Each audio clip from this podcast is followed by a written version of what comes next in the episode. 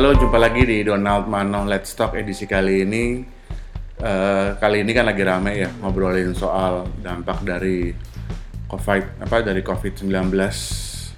Nah, Let's Talk kali ini pengen sedikit kasih pandangan bukan mengenai COVID-nya sih, cuman mengenai karena keadaan ini gue ngeliat beberapa hal. Nah, untuk itu gue mau kasih konteksnya dulu nih ya.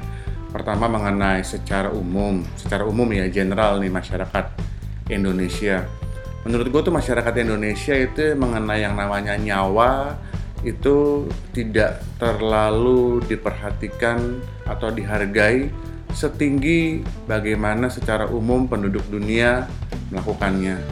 Tunggu tunggu jangan marah dulu. Maksud gue ya gini ya konteksnya.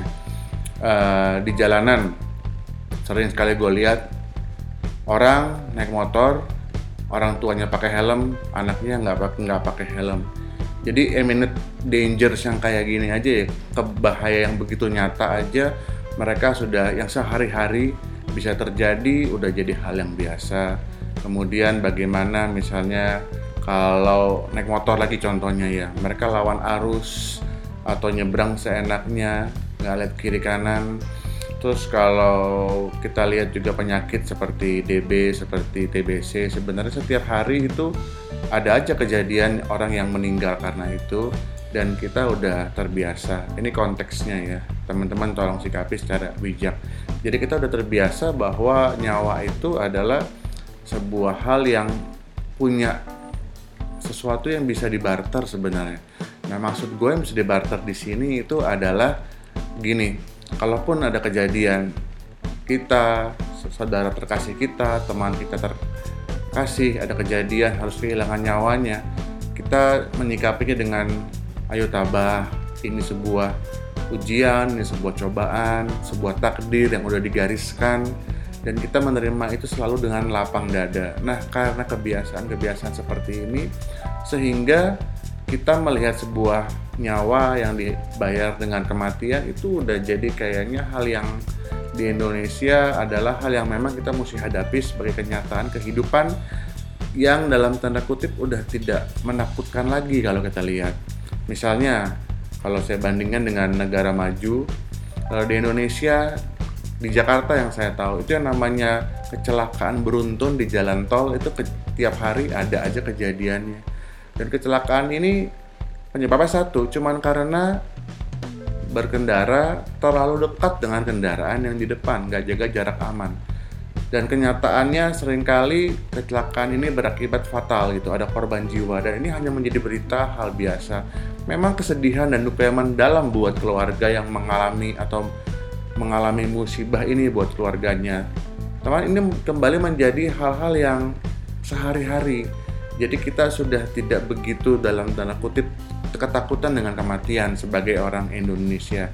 Kalau dibandingkan dengan negara maju yang saya bilang tadi, kalau di sana ada sebuah kejadian yang kemungkinannya bisa terjadi fatality, itu langsung ada surveinya, ada studinya, dibikin pelajaran, dibikin peraturan, diperbaiki supaya itu nggak kejadian. Nah sementara di Indonesia ya udah kalau kejadian ya sudahlah ya tabah aja. Nah uh, konteks ini yang saya mau pakai sekarang di kejadian virus corona ini ya COVID-19 kita sebagai orang Indonesia jadi kelihatnya bahwa ah ini flu flu biasa. Cenderung persepsi yang kita terima adalah masyarakatnya adalah acuh. Masyarakatnya tidak terlalu memberi perhatian sehingga mulai ada pendapat-pendapat jadi mulai perang pendapat juga kan di sosial media. Keputusan pemerintahnya pelaksanaan pemerintah pusat pemerintahan daerah keterbukaannya Nah, saya nggak mau masuk ke arah sana. Yang saya mau sharing adalah kita nih sebagai anggota masyarakat saya gitu. Bagaimana ya kita bisa menghargai bahwa nyawa itu memang benar-benar berharga gitu. Kenapa saya ngomong gini? Saya mau hadapkan sekarang. Tadi kan konteksnya ya, saya mau taruh. Sekarang saya mau hadapin dengan yang namanya kebutuhan ekonomi. Nah di Indonesia kalau ini dua diperhadapkan kebutuhan kita akan perekonomian, kebutuhan kita akan uang, kebutuhan kita akan sandang pangan dan papan, kebutuhan kita untuk bisa hidup dengan standar yang pas-pasan aja. Itu tingkat urgenitasnya itu kelihatan melebihi ancaman dari si breakthrough dari virus ini, breakout dari virus ini. Kenapa orang udahlah ya biarinlah gue ambil resikonya tertular, terpapar dan terinfeksi. Karena apa? Resikonya itu tidak sebesar kalau saya tidak keluar rumah, saya mencari nafkah. Saya kerja mungkin di pabrik yang nggak bisa online kan, misalnya kerjanya dia lipat spray di tempat laundrynya kan nggak mungkin lipat spray secara online di rumah. Atau mungkin uh, para riders dari Gojek atau Grab ya ojol gitu ya ojek online kan kan nggak mungkin yang hal-hal seperti ini bisa dilakukan online. Itu kan mungkin kita ngomongin level bawah. Nah level-level atas juga kan nggak mungkin pilot. Ya pilotnya online dari dari rumah. Nah ini di Indonesia yang yang kita mesti sikapi supaya memang kita harus akui bahwa faktor bahwa resiko untuk tidak mendapatkan nafkah itu masih jauh lebih mengerikan daripada resiko terpapar infeksi seperti COVID-19 ini. Nah, tujuannya saya, saya sharing supaya ya udahlah ya, jangan gara-gara politik kita berantem, terus sekarang gara-gara ini juga beda pendapat kita rame lagi, kita berantem. Kenapa nggak kita lebih fokus untuk memperhatikan bagaimana minimal kita ngurus diri sendiri, bagaimana kita mengantisipasi hal-hal ini, nggak usah ngurusin orang lain dulu karena orang lain tuh punya reasonnya masing-masing. Kita suka menganggap sebagai itu hal yang careless, hal yang tidak bertanggung jawab. Kita mesti mengerti kadang-kadang buat mereka juga nggak ada pilihan. Dan sekedar intermezzo mungkin ya kan orang Indonesia suka bilang mangan orang mangan yang penting ngumpul Nah itu udah jadi kita punya kebiasaan, udah jadi kita udah mengakar budaya kebiasaan ini. Dan ini saya nggak mau bilang salah atau benar, tapi lebih baik kita lebih jauh dari itu berpikir bahwa apakah hal seperti ini mesti kita upgrade menjadi lebih bagus. Dan saya percaya sebagai manusia, bagian dari masyarakat, society, kita akan lebih paham nantinya. Pola pikirnya mulai berubah kebiasaannya saat kita mulai mengerti. Yang seperti saya suka bilang mungkin saya sehat saya kuat saya nggak terkena dengan virus cuma saya bisa menjadi carriernya saya bisa menjadi membawa virus itu ke orang lain. Dan mungkin dia terinfeksi kepala keluarga sumber nafkahnya dan dia sampai kehilangan nyawa. Nah tanggung jawab sosial ini yang yang kita mesti pahami dan kita mesti mengerti jadi stop tuding-tuding siapa yang kurang siapa yang salah karena bangsa Indonesia jujur kalau buat saya tidak ada satupun dari kita yang siap menghadapi ini.